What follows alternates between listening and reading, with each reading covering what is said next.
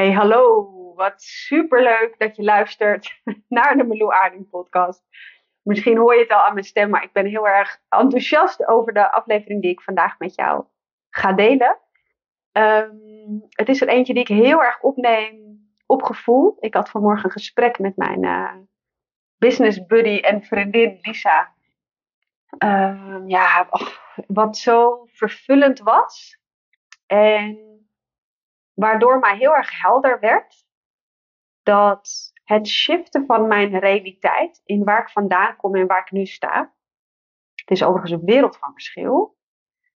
Uh, hoeveel aandeel ik daar zelf in gehad heb. En daar gaat deze aflevering ook over. Hoeveel regie jij hebt over de realiteit die jij, uh, waar je nu misschien nog naar verlangt. Uh, maar waarvan je ook echt gewoon wil dat het je realiteit um, wordt. En ik ga proberen dit logisch te doen. Omdat ik het intuïtief doe, kan het wat meer van de hak op de tak gaan.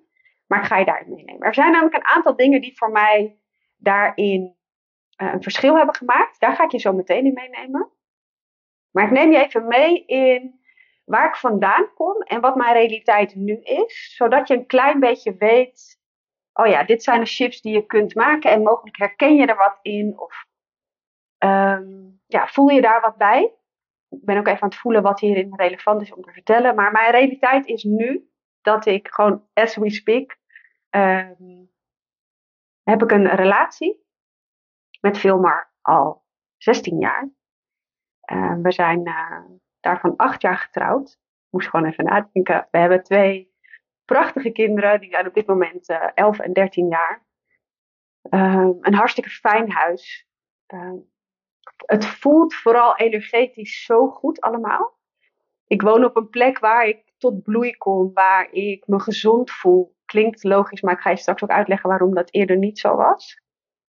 Uh, ik kijk uit op het groei, ik, op het groei, op het groen. Ik um, begeef me in een omgeving waar ik heel makkelijk uh, in de natuur kan, kan lopen, zonder dat ik uh, veel hoef te, te, fietsen of te rijden om daar naartoe te gaan. Ik heb een eigen bedrijf Um, ik verdien geld in de mate waarin ik een paar jaar geleden alleen maar dacht: zou dat ooit voor mij weggelegd zijn? En zelfs als ik al hoopte dat het zou kunnen, was er ook een deel in mij wat dat niet, uh, zich dat eigenlijk niet helemaal voor kon stellen. Um, en misschien is het belangrijkste van dit verhaal is dat ik los van wat ik heb en wat ik ervaar, vooral heel veel rijkdom ervaar in mezelf heel veel vrijheid in mezelf, heel veel vervulling. Um, ik doe echt wat mijn hart blij maakt. En dit is natuurlijk een leven wat misschien voor heel veel mensen klinkt als heel rooskleurig. Uh, voelt het ook. Uh, zo heeft het ook heel lang voor mij gevoeld. Betekent overigens niet dat ik geen obstakels tegenkom. De vrijheid voor mij, daar ga ik zeker ook nog wel een keer een andere aflevering over opnemen, zit hem vooral in het kunnen dealen met dus de tegenslagen in je leven en ook daarin rust en vrijheid in jezelf ervaren. Dus het is voor mij niet de afwezigheid van tegenslagen, maar het is een bepaalde kracht die ik daarbij uh, in mezelf voel. En dat is mijn realiteit op dit moment. Ik vergeet vast nog het een en ander te vertellen, maar om even een, een plaatje te schetsen. Wat mijn realiteit was, en ik ga, nee, ik ga je daar wel even in meenemen. Ik ben uh, opgegroeid in uh, armoede. Dat kan ik wel zeggen. Uh, de samenvatting van mijn jeugd. Ik, ik, ik, voel altijd nog ergens een soort drempel als ik hierover ga praten. Maar ik kies er wel bewust voor om dat wel te doen. Omdat het uiteraard niks zegt over de liefde die ik voel. Uh, maar eh, als ik hem gewoon even bij de feiten hou. Is dat armoede een onderdeel was van mijn jeugd. Geweld een onderdeel was uh, van, mijn, van mijn jeugd. Ehm, mishandeling een onderdeel was. Onveiligheid een groot onderdeel was um, disharmonie een groot onderdeel was. Onveiligheid, volgens mij zei ik die net al, maar als ik hem nu nog een keer benoem, geeft het in ieder geval aan hoe onveilig het geweest is. Um, ja, ik denk dat dit een hele mooie samenvatting is. Ik denk niet dat ik heel veel gedetailleerder hoef te zijn. Maar geldtekort was dus voor mij heel bekend. Um, in mijn jeugd, in mijn tienerleeftijd, in mijn jongvolwassen uh, leven. Um, en ik had het hier vanmorgen dus over met, uh, uh, met Lisa, uh, een supergoeie vriendin. En we hadden het erover dat ik dacht, ja, weet je, waar je vandaan komt, kan zo bepalend zijn. En meteen als ik dit zeg, zeg ik, denk ik, nee, nee, nee, maar ik ga je meenemen. Het kan zo bepalend zijn voor je toekomst. En waarom ik nee, nee, nee denk hierbij, is omdat ik niet geloof dat dat het ook je toekomst hoeft te zijn. Hoe jouw verleden is geweest, is niet bepalend voor hoe jouw toekomst eruit ziet. Het kan het zijn. Maar het kan ook zijn. Uh, kijk, als je allebei uit een heel ander milieu komt. Je bent opgegroeid in een gezond milieu waarin voldoende geld was, waarin je voldoende vrijheid hebt ervaren, waarin uh, enigszins gezonde dynamieken waren.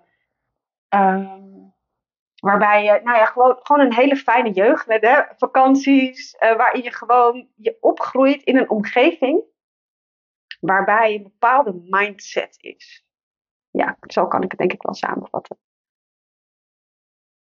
Op het moment dat jij opgroeit in een jeugd waarin dat er niet is, heeft dat invloed op je leven. En als jij er niks aan doet, als je niet, niets doet aan persoonlijke ontwikkeling, niets doet aan um, het aankijken van trauma's, van blokkades, jezelf helen op bepaalde vlakken. Uh, dan is, blijft dat ook je realiteit. En uh, voor mij heeft dat dus heel lang geresulteerd in tekort. Veel tekort. Maar zelfs in, uh, ik had het daar vanmorgen dus nog over, dat ik, dat ik dacht, veel en ik hebben een hele, hele fijne, harmonieuze relatie. Ik durf echt wel te zeggen dat die heel solide is. En het is de meest gezonde relatie die ik ooit heb gekend, maar die ik ook ooit in mijn omgeving heb gezien.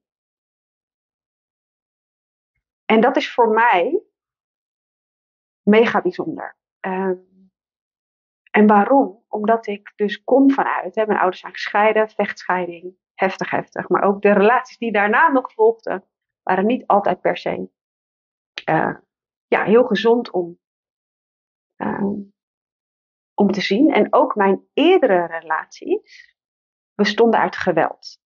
En bestonden uit mishandeling, manipulatie, kleineren. Het was wat voor mij veilig was.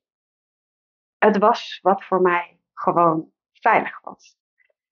Ik durf te zeggen, misschien herken je dit, dat als je de geschudde kaarten van mijn leven zou hebben zien liggen, had mijn pad ook een heel ander pad kunnen zijn.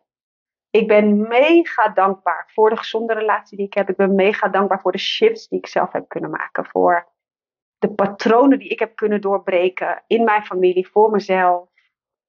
Ja, de groei die ik daarin heb gemaakt. Maar ik, ik realiseer me ook heel goed dat het komt door wat ik zelf heb gedaan. En die credits durf ik dus ook aan mezelf um, te geven. Ik heb het innerlijk werk gedaan. Ik heb, er, ik heb zoveel shit aangekeken om hier doorheen te navigeren en om een ander pad te kunnen kiezen. Uh, en ik geloof ook dat hier heel veel keuzekracht um, bij komt. Maar wat heel interessant was, en dit is een heel mooi inzicht wat bij mij de laatste weken nog op een diepere laag land is, ik had dus een gezonde relatie met Filmar. Nou, die is 16 jaar geleden gestart. Hoe oud was ik toen? 24, 25. In onze relatie hebben wij zoveel tegenslagen gehad. Zoveel tegenslagen. En niet zozeer relationeel, maar wel heel veel mensen verloren om ons heen. Miskramen, vroeggeboortes, postnatale depressie, uh, ik heb meerdere burn-outs gehad. Veel maar heeft meerdere burn-outs gehad. Um, veel financiële uh, problemen, familiestruggles, um, relatie. Nee, uh, sorry, ik, ik zeg het verkeerde woord. Um, ik wou zeggen iets met werkgevers, maar conflicten op het werk, gezondheidsuitdagingen. na mijn, ik heb een depressie gehad na de geboorte van, van onze jongste. daarbij ook bleek ik posttraumatische stressstoornis te hebben. Je kunt je best wel voorstellen dat ons leven heel erg in een teken heeft gestaan van, van die periode. Maar vlak daarna werd ik ook ernstig ziek. En nou is depressie natuurlijk ook een bepaalde vorm van ziekte, maar toen werd ik fysiek ziek. Bleek ziekte van Lyme te hebben, fibromyalgie. Veel maar hielp me met aankleden. Ik kon niks meer doen in huis. Ja, wat alleen nog maar de hele sneeuwbal aan ellende, snap je, die werd, die werd groter. Want ik, ik werkte eerst 32 uur, maar door mijn gezondheid ging ik minder, minder, minder, minder werken. Want ziek melden dacht ik, ja, dat hoef ik niet te doen. Er is gewoon wat mis met mij waarom ik dit niet kan. Ik ga minder werken. En uiteindelijk ben ik uitgevallen en afgekeurd. Maar mijn uitkering was dus gebaseerd op de 16 uur die ik toen nog werkte. Terwijl ik had me gewoon veel eerder ziek moeten melden. Alleen, dat was een soort ego-dingetje. Um, ook een soort acceptatieding. Dit was hoe ons leven eruit zag. Onze kinderen waren beide een huilbaby. Hadden beide heel veel allergieën. Mega sensitief. Uh, bleken later ook hoogbegaafd te zijn met uh, de bijkomende problematiek die daarbij hoort. En wij zijn altijd heel steady blijven staan, Vilma en ik. Wat eigenlijk heel ja, bijzonder is. Ik realiseer me heel goed dat heel veel relaties hier misschien wel een stuk door waren gegaan. Uh, ik durf ook echt te zeggen dat we een heel, heel fijn gezin hebben samen. Heel, ja, heel mooi. Ik ben ook heel trots op hoe wij dat neer hebben gezet. Hoeveel ruimte er is geweest voor de gevoeligheid van onze kinderen. Voor wat we samen mee hebben gemaakt. Uh, heftige basisschoolperiodes gehad met kinderen. Waar ik alleen al een boek over zou kunnen schrijven. Uh, echt een mega slechte film is dat geweest. Ehm, weet niet of ik daar ooit nog iets over ga delen, want dat, ehm, ja, dat weet ik nog niet. Dat komt of dat komt niet. Maar het was wel interessant voor mij om te zien, hey, als het dus op relationeel vlak goed gaat, wat maakt dan dat het op andere vlakken niet goed gaat?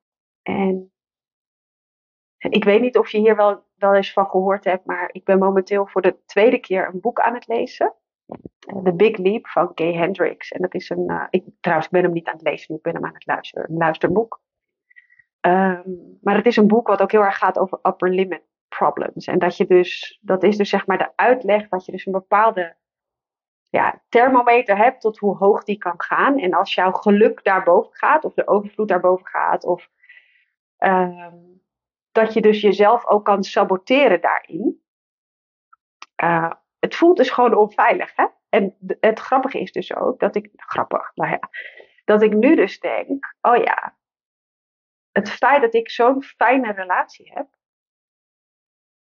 alsof ik mezelf dus onbewust ergens gesaboteerd heb in, dit kan niet, dit, dit, dit, er moet ook iets niet goed gaan. Voor mij was het heel veilig, dus mijn plafond was laag, zeg maar, in levensgeluk en overvloed en geld en uh, welzijn en, en uh, alles wat je gewoon jezelf gunt, maar wat je eigenlijk iedereen gunt.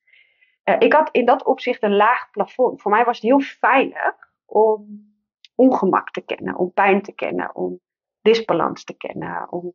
Snap je? Dus het was heel interessant voor mij om dus te onderzoeken, waar ligt mijn plafond en in hoeverre saboteer ik mezelf daarin, zonder mezelf daarin een schuldgevoel te geven. Maar het gaf mij gewoon hele mooie inzichten in wat voor aandeel ik hier zelf in heb. Mag het mij goed gaan? Mag het mij goed gaan? Want soms zie je dat je relatief meer pech in je leven hebt dan een ander. En dat, dat is niet altijd een kwestie van geluk of pech hebben. Dat heeft, het klinkt een beetje hard dat ik dit zeg, maar het heeft altijd te maken met een stukje um, innerlijk werk. Is een beetje hetzelfde wat ik, wat ik wel zie bij klanten of bij andere ondernemers. Die eigenlijk alles doen wat je nou zou moeten doen. Tussen haakjes, ik geloof nooit in moeten doen, hè, maar wat je zou moeten doen als ondernemer. Dus bepaalde strategieën toepassen. Ik durf wel zelfs te zeggen winstgevende strategieën toe te passen. Uh, of in ieder geval aangereikt te krijgen. Want niet iedereen past het natuurlijk toe. Um, maar dan toch niet komen waar ze willen komen. Niet kunnen doorbreken waarvan je, waarvan je denkt, hè, maar ik doe al, ho hoezo kom ik hier niet voorbij? Voorbij het punt waarbij ik in cirkels blijf lopen. Of misschien, wel, misschien herken je dit wel, dat je zo'n moment hebt dat je denkt, fuck, daar ga ik, dan ga ik groeien, let's go, je omzet stijgt, je aanmeldingen stijgen en kabam, weg weer, weg weer. En nu weet ik dat je business niet groter kan groeien dan jouw persoonlijk plafond. En dit is dus ook zo in jouw persoonlijk leven. Het feit dat bepaalde mensen veel geld aantrekken en anderen minder, is niet een kwestie van geluk. En dit is ook waarom ik met mijn klanten, en ondanks, ik, ik weet niet eens welk percentage, maar er is een, laten we zeggen, we werken 30% aan strategieën, aan hoe je bedrijf eruit ziet, hoe de klantreizen zijn, wat je plan van aanpak is, wat slim is om te doen, wat minder slim is om te doen, wat passend voor jou voelt. Dus echt puur de actie, hè, de, hoe je je bedrijf neerzet. Laten we zeggen dat dat 30% is. Het grappige is dat heel veel mensen denken dat dat hetgeen is wat het verschil gaat maken. En het is heel fijn hoor, dat meen ik oprecht, om dat stukje helder te hebben. Maar laten we zeggen dat we de andere 70%, en misschien is de verhouding 60-40, I don't know, maar om even aan te geven dat dit stuk nog groter is, heeft te maken met het innerlijk werk. Als jij bij mij een half jaar coaching volgt. En wij werken alleen maar aan dat wat slim is om te doen als ondernemer. Betekent dat niet dat je er komt. Op het moment dat dat namelijk zo zou zijn, als er gewoon een pad is wat jij mag bewandelen, wat gegarandeerd succes zou geven, denk je niet dat iedereen dat pad al lang bewandeld zou hebben. Het heeft niet alleen te maken met de slimme stappen die je neemt, met de strategie die je voor jezelf bepaalt, met de handigheidjes die je toepast in je bedrijf. En echt door daar valt superveel in te leren en daar kun je prachtige inzichten uithalen. Echt. Mijn ervaring is dat zoveel ondernemers kunnen versimpelen, het veel moeilijker maken dan het is. En eigenlijk al goud in handen hebben, maar soms nog net aan maar, nog maar één knopje hoeven draaien om dat ook stromen te laten krijgen. Dat is natuurlijk super lekker als je daar ook bij kunt komen. Maar als je het innerlijk werk niet doet, als je je eigen plafond niet gaat verhogen, als je niet zelf gaat aankijken waarom je bijvoorbeeld op een bepaalde plek blijft staan, waarom jij niet door bepaalde patronen heen komt. Als je dat stuk overslaat, uh, ga, je, ga je nooit zo succesvol worden als dat waar jij nu naar verlangt. Misschien wel qua omzet. En ook daarbij ja, je ziet het niet, maar ik twijfel al een beetje. Want ik zit met mijn hoofd te schudden en met mijn hand heen en weer te draaien. Van, mwah, mwah, mwah. Misschien wel qua omzet. Maar een omzet waar jij nu van droomt, zonder daarbij zingeving te ervaren, levensgeluk te ervaren, content te zijn met jezelf, vrijheid te ervaren in jezelf, rust te ervaren in jezelf. In mijn beleving is dat geen succesvol bedrijf. Dus voor mij gaat dat altijd hand in hand. En ondanks dat mindsetwerk en energetisch werk vaak veel minder aantrekkelijk klinkt dan een bepaalde strategie bepalen. Want we willen controle. Hè? We leven in een maatschappij die eh, rationeel gevoed wordt en prestatie gevoed wordt. En wat je ook een bepaalde vorm van houvast geeft. Geloof ik dus echt dat het allergrootste werk zit in dat andere deel. In het mindset deel, in het energetische deel. In het aankijken wat je aan te kijken hebt. En het leven gebeurt voor jou.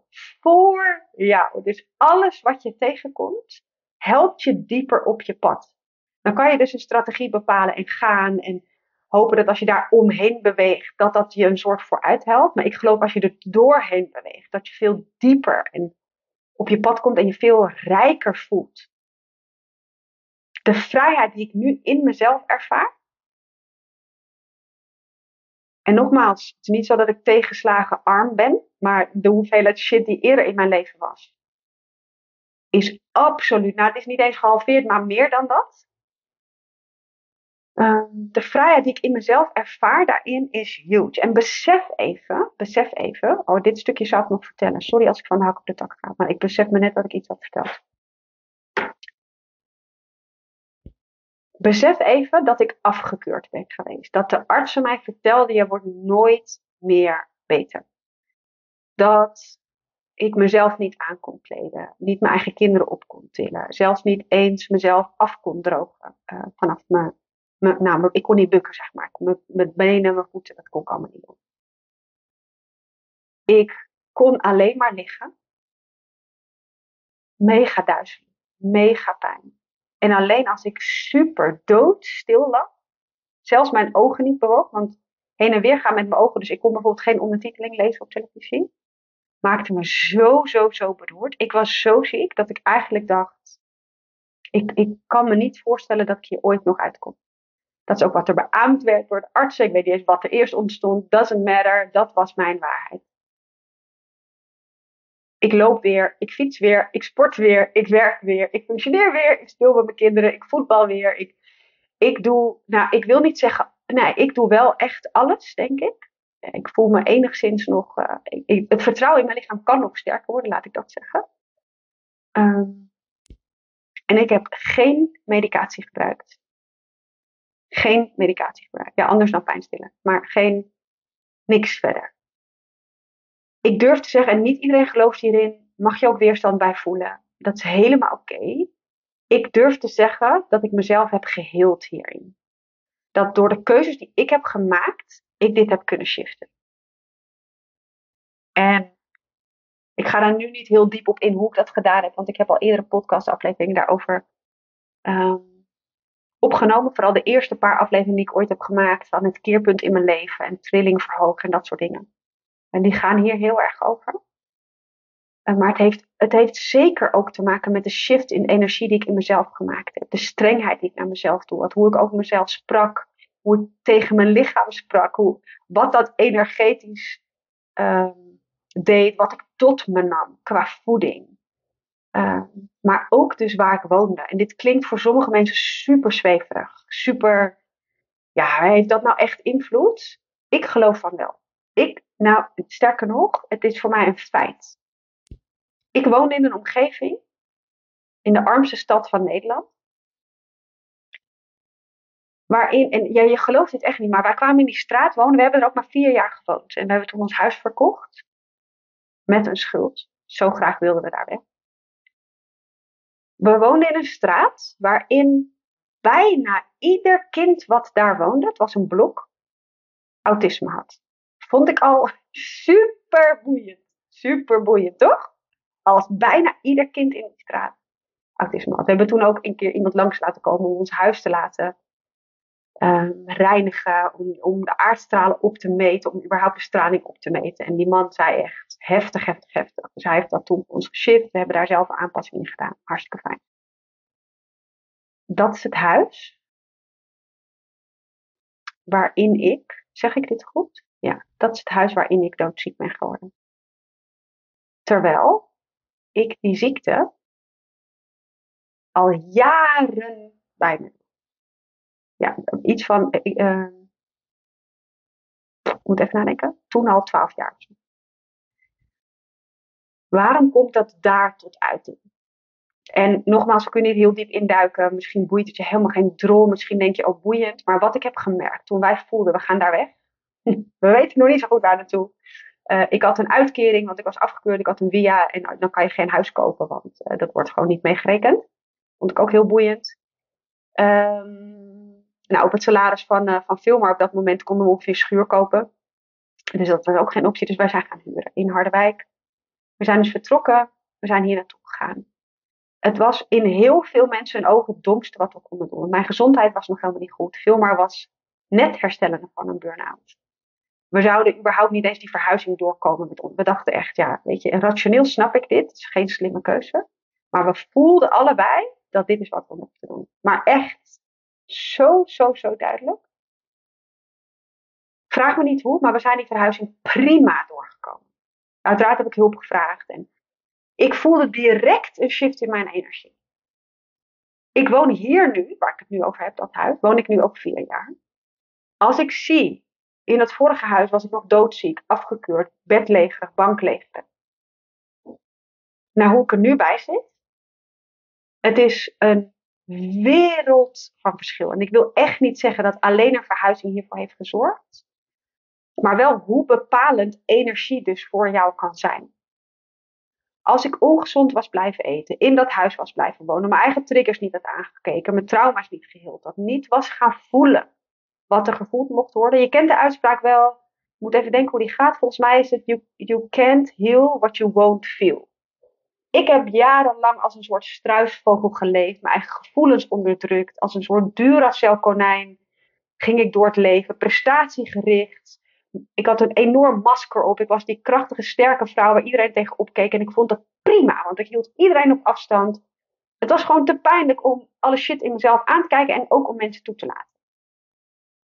Als ik dat niet had geshift, was ik hier nu niet uh, geweest.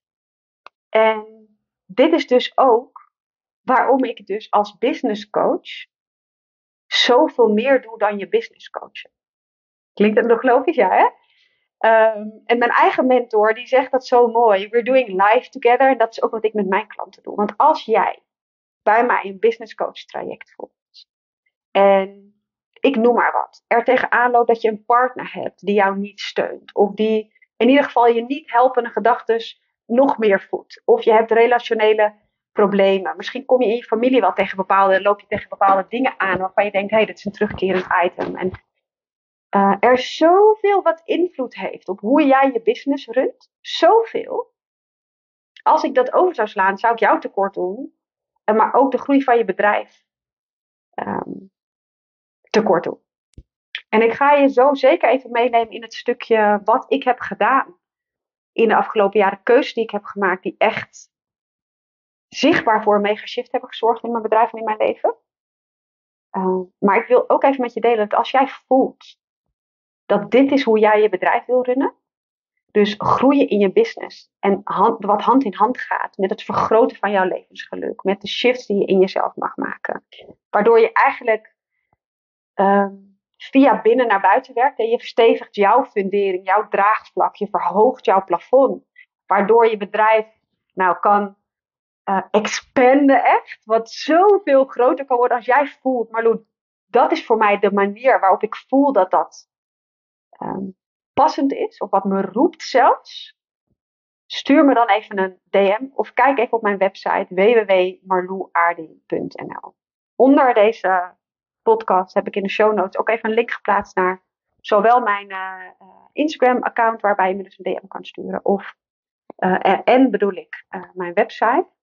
Maar dit jaar, ik neem deze podcast op in juli. Dit jaar heb ik nog uh, enkele plekken om één op één met mij samen te werken. En ik geef dit jaar nog één keer, en hij komt volgend jaar ook gewoon weer terug. Maar als je dit jaar daar nog uh, in wil stappen, geef ik nog één keer het licht onderneming traject. Uh, het is de vierde editie van, deze, van dit traject. En het is een super mooi traject waarin dit hand in hand gaat. Waarin we dus heel erg werken aan dat innerlijke stuk uh, in combinatie met je business. Dus je, je kan het zien als uh, het strategische gecombineerd met het energetische. Uh, en het is een groepstraject waarbij, uh, waarbij ik plek heb voor maximaal 10 ondernemers, maar waarbij je dus omringt met, met gelijkgestemde ondernemers. Met like-minded people. En dit is ook direct waar ik hier op uitkom, is wat ik heb gedaan, welke keuzes ik heb gemaakt in de afgelopen jaren, die dus gezorgd hebben voor die shift. Um, want een van de dingen heeft te maken met die like-minded um, people. Met het omringen. Ja, dit is echt de grootste samenvatting die ik kan geven.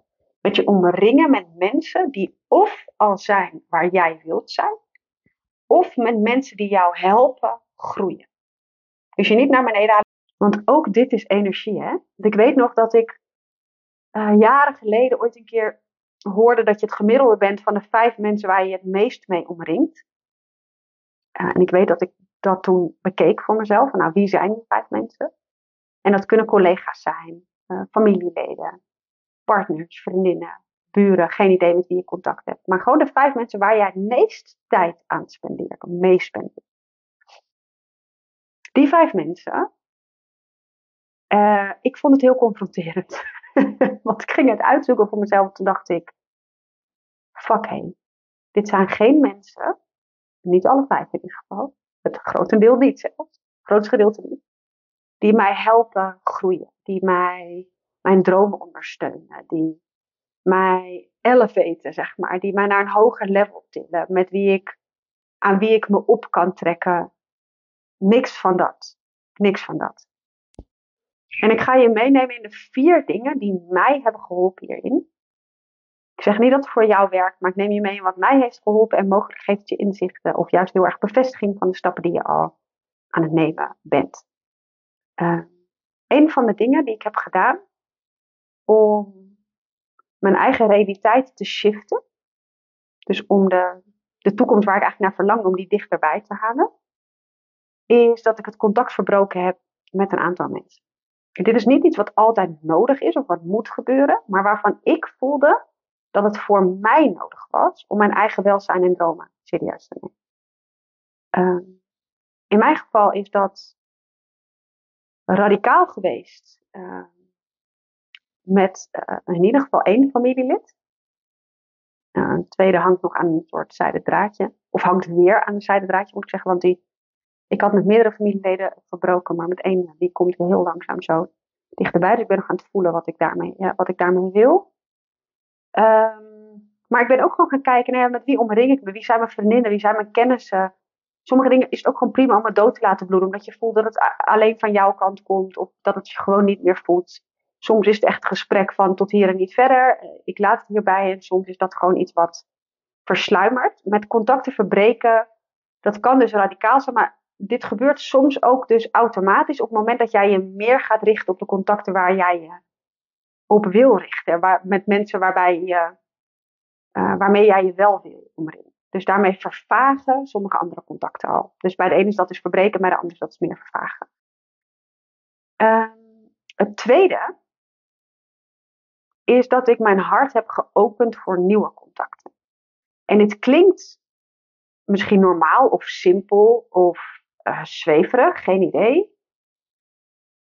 Maar ik heb hier echt heel bewust voor gekozen. Want uh, in mijn jeugd, in mijn leven, heb ik best wel mijn hart afgesloten. En was het voor mij heel erg belangrijk dat ik deelde met wat ik kende. En dat alles wat nieuw was, was spannend.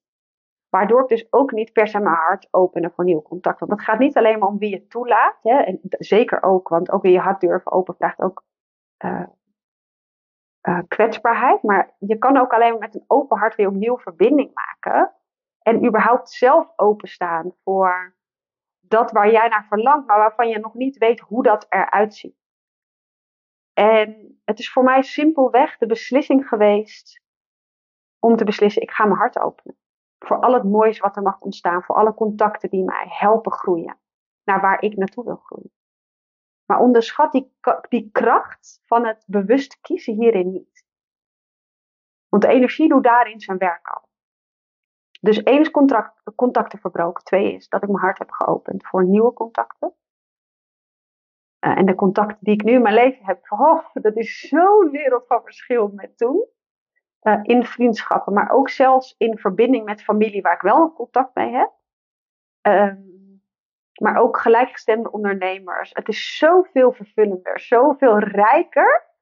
Ja, ik, dat, ik gun dat je zo, maar vergeet je hart daarbij echt niet te openen. Met daarbij het risico dat je ook gekwetst kan worden. Maar ik geloof dat als jij je hart open, open hebt en je daarmee mogelijk ook een risico loopt. Um, het is voor mij ook de enige manier om echt liefde toe te laten.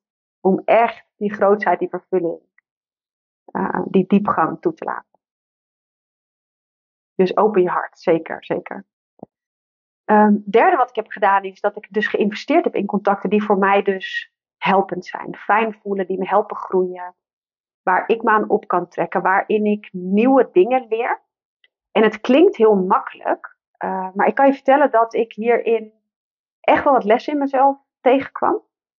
Want de vriendschappen zoals ik ze nu ken, die kende ik totaal niet. En dat voelde dus in, in eerste instantie onveilig. Ik omringde me met mensen die mij niet spiegelden. Die, het was voor mij het makkelijkst om me te omringen met mensen die of ja en amen zeiden.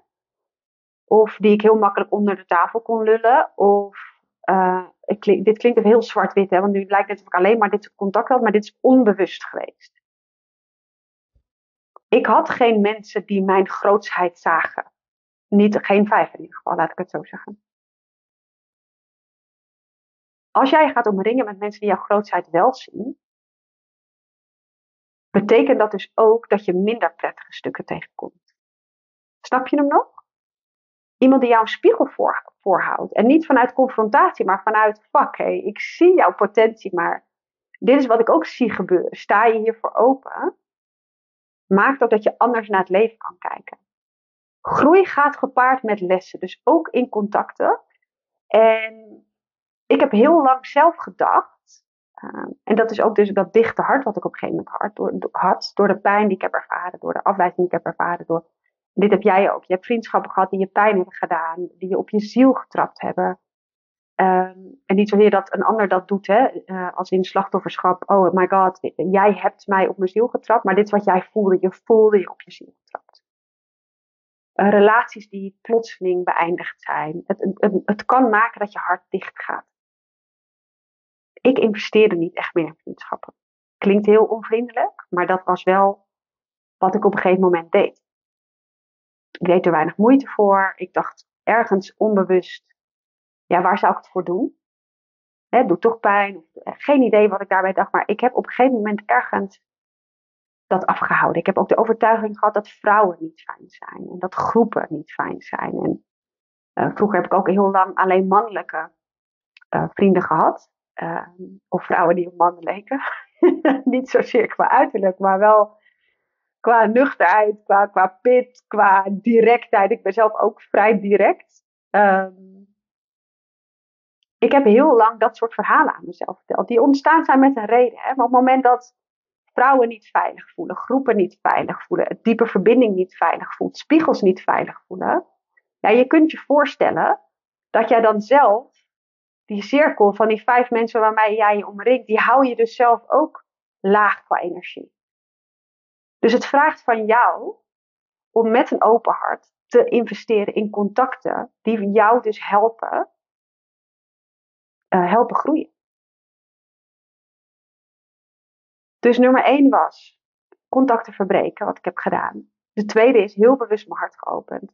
En de derde is juist ook geïnvesteerd in contacten, zelfs als het soms oncomfortabel was of zelfs uh, onveilig in mij voelde. Ik heb ook een vriendin gehad, en die, heb ik nog steeds trouwens, maar uh, ik praat in verleden tijd omdat ik dit gevoel gehad heb. Ik heb een vriendin gehad waarbij ik af en toe de trigger ervaarde, die ik ook vanuit mijn jeugd kende, vanuit uh, mijn vader. Uh, waarbij de onveiligheid die ik van toen kende, enorm aangeraakt werd. Waardoor ik dus ook even dacht, ja, maar dat is geen goede vriendin voor mij. Want ik krijg dit gevoel, of ze triggert me, of whatever. Ik voel me getriggerd. Tot ik die trigger ging onderzoeken. En het dus helemaal niks met haar te maken had, maar met de pijn die daar voor mij onder zat. Dus investeren in contact is niet alleen maar, goh, ik bel diegene een keer terug of ik, ik doe daar moeite voor. Maar het is ook investeren in, ook daarin, in jouw persoonlijke ontwikkeling, in, in de lessen die je daarin hebt te leren, in de grens die jij daarbij zelf voelt.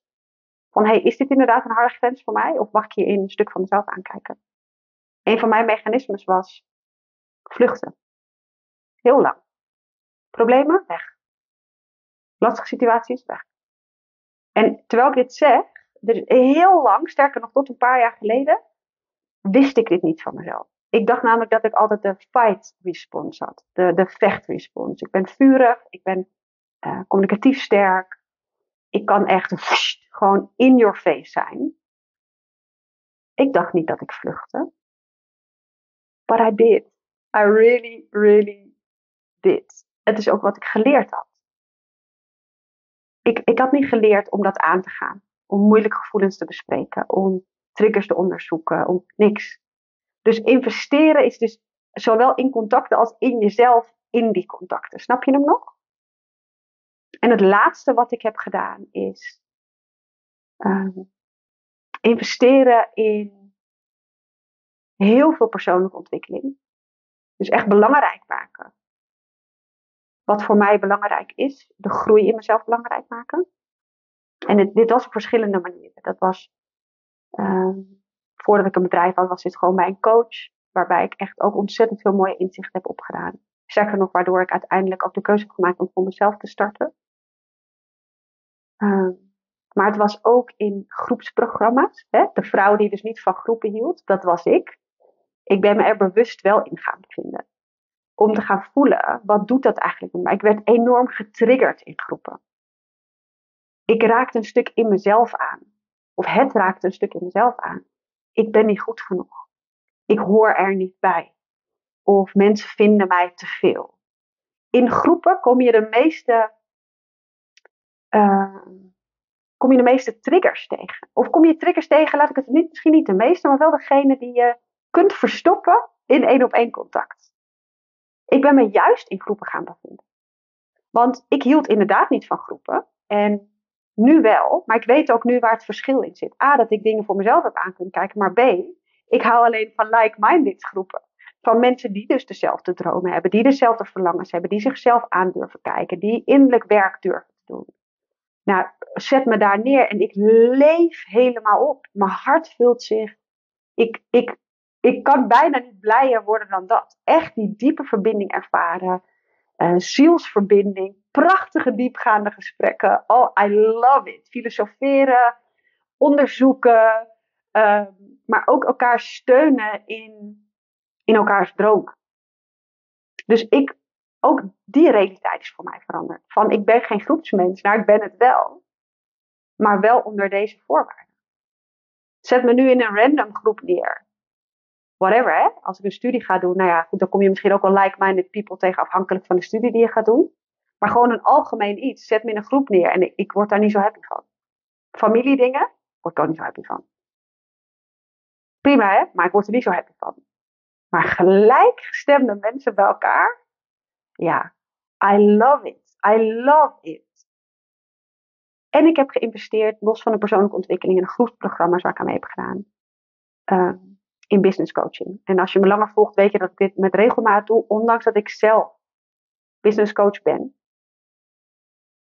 Volg ik regelmatig zelf business coaches. Simpelweg omdat ik mezelf de ruimte geef om, en de toestemming vooral, om te mogen leunen terwijl ik mijn missie in de wereld zet. Om, uh, om het niet alleen te hoeven doen. Om niet altijd maar die leider te hoeven zijn. Maar ook de andere kant heel erg mag omarmen. Omdat ik ook blinde vlekken heb. Of stukken waar ik doorheen mag navigeren. Terwijl mijn business uh, groter wordt. Ik denk dat dat nooit stopt. Dat geloof ik echt. En voor elk level waarin ik weer groei, groei ik sneller en shift ik sneller als ik daarbij ondersteuning krijg. En ook dit klinkt logisch, want als ik dit deel, denk ik, ja, natuurlijk werkt het zo. Maar ik heb ook heel lang uh, gedacht, anderen doen het ook alleen, dus ik kan dat ook. Een van mijn favoriete kutgevoelens uh, was ook, ik moet het alleen doen. In het leven. Ik kan alleen op mezelf leunen. En dat is heel sterk, hè? Want ik, heb daar zoveel groei mee uh, gecreëerd voor mezelf. Ik, ik, het feit dat ik uit anderen probeerde te halen wat ik daar niet kreeg, ook niet altijd uit mijn, bij mijn ouders. Um, specifiek mijn vader, durf ik wel te zeggen. Dat mocht ik mezelf gaan geven. En dat heeft me enorm sterk gemaakt, want de goedkeuring en de, en de toestemming en alles wat ik daar zocht, de liefde, de geborgenheid, de veiligheid, dat mocht ik in mezelf gaan zoeken. Maar de keerzijde daarvan is dat je natuurlijk een leven gaat leven waarin je denkt: oké, ik moet het dus alleen doen. Ik kan alleen maar op mezelf leunen. Voel je het verschil? Ik kan, ik kan op mezelf leunen, ik ben sterk genoeg en kut, ik moet op mezelf. Ik mocht echt hulp aanvaarden. Ik mocht echt, en dit is dus het mezelf toestemming geven. Ik investeer jaarlijks meerdere keren in coaching. Soms in grote trajecten, soms in kleinere trajecten, soms in cursussen. It doesn't matter. Meerdere keren. En ook die realiteit is dus veranderd. Van ik moet het alleen doen en ik kom er zelf wel uit. Was ook gelukt, hè? Was ook echt wel gelukt. Je kan het ook alleen. Ik weet wel dat ik dan nu niet hier had gestaan. Dat weet ik wel heel zeker. Ik had daar veel, veel, veel, veel, veel langer over gedaan. Dus dat zijn voor mij de vier dingen die mijn realiteit hebben geshift. Die mijn, die het leven waar ik naar verlangde, naar het hier en nu hebben gehaald. Dus dat is even samengevat, contacten verbroken, mijn hart geopend. Geïnvesteerd in contacten die voor mij belangrijk en fijn zijn. En met geïnvesteerd bedoel ik dus in de ander, maar ook in mezelf. Tijdens, die, tijdens het in contact zijn. En dus geïnvesteerd in persoonlijke ontwikkeling, in het herschrijven van mijn realiteit. Door bijvoorbeeld wel me in groepen te bevinden. Wel mezelf toestemming te geven om te mogen leunen, hulp te krijgen. Uh, triggers te mogen onderzoeken. En daar in die, in die onveiligheid veiligheid te vinden. Snap je dan wat ik bedoel? Dus het kan heel onveilig zijn om dingen voor jezelf te onderzoeken. Want ook, dat weet jij ook als ondernemer, er is geen grotere shift in het doen van persoonlijke ontwikkeling. Ik, ik omschrijf het altijd als uh, het is een snelkookpan voor persoonlijke ontwikkeling. Ik ben mezelf nooit zo erg tegengekomen als sinds ik onderneem. En ik deed al behoorlijk wat aan persoonlijke ontwikkeling. Maar ik ben ook nog nooit zo gegroeid sinds ik onderneem. En daarin te mogen leunen, ook emotionele begeleiding te mogen krijgen. Ja, wereld van verschil. En ik, ik ben ook heel dankbaar dat ik deze podcast op kan nemen, omdat ik nu ook echt voel hoe anders mijn realiteit is dan de situaties die ik toen heb geschetst. Van armoede tot problemen, gezondheidsuitdagingen. Um, naar de overtuigingen die ik had van uh, vriendschappen zijn niet voor mij weggelegd, vrouwen zijn verschrikkelijk, uh, groepen zijn verschrikkelijk, uh, ik moet het alleen doen. Al mijn hele realiteit, mijn hele realiteit is in dit stuk geshift. En ik geloof dat ik hier altijd nog in kan blijven groeien. Maar ik ben zo dankbaar dat ik, je, dat ik dit ook oprecht nu met jou kan delen. En dit is wat je zelf kunt doen. Dit is als jij jezelf aankijkt. Als jij bereid bent om het werk te doen. Als jij je dromen belangrijk wil maken en jouw welzijn belangrijk wil maken, is er zoveel waar je zelf regie over hebt. En ik deelde net al even kort iets over het licht ondernemen traject. En ik heb het heel bewust zo genoemd. En niet omdat ik alleen maar mensen aan wil trekken um, die alleen maar afkomen op het woord licht. En daardoor denken, ja, maar Lou gaat ervoor zorgen dat het licht wordt. Want that's not the case. Absoluut niet zelfs. Um, maar ik geloof dat het zoveel lichter gaat voelen. Als jij vrijheid in jezelf kunt voelen en rust in jezelf. Op de momenten dat je door moeilijke stukken heen. Ik geloof dat het lichter gaat voelen als je jezelf en je dromen serieuzer neemt. Ik geloof dat het lichter gaat voelen als jij meer in je eigen licht kunt gaan staan. En dat kun je pas doen als je ook bereid bent om door je eigen schaduw heen te gaan. Om die schaduwkanten um, aan te kijken. Dus dat is voor mij licht ondernemen. Meer mogen spelen, meer mogen onderzoeken. Meer stevigheid in jezelf voelen. Uh, meer durf ontvangen. Um, de stappen durven nemen. Waarvan je eigenlijk beeld na zweet krijgt. Waarvan je denkt, oh my fucking god, ga ik dat doen? Om te komen waar jij wil komen. Want bij de grootste dromen die jij hebt, dat vraagt ook grootste stappen. Maar dat vraagt ook veel shifts en ook, um, ja, ik, dat durf ik wel te zeggen, ook echt de behoefte, ik wil zeggen bijna de noodzaak, om jezelf daarin emotioneel te laten begeleiden en ondersteunen. Om hierin te mogen leunen. Ik, je maakt jezelf ontiegelijk moeilijk als jij grootste dromen hebt. Weet dat daar grootste stappen bij komen kijken. En je dat alleen moet doen van jezelf. Ja, dus voel voor jezelf. Wat heb jij nodig om jouw realiteit te shiften? En als ik daar een onderdeel van ben, stuur me zeker een DM. Neem een kijkje op mijn website. Zowel met één op één coaching kan ik je daarbij helpen als bij het licht ondernemen werkt. Ik bied meer aan, maar dat is meer uh, online coaching en dat, uh, sorry, dat is niet duidelijk wat ik nu zeg. Dat zijn meer online programma's. En dit werk waar ik het nu over heb, vraagt echt één op één aandacht.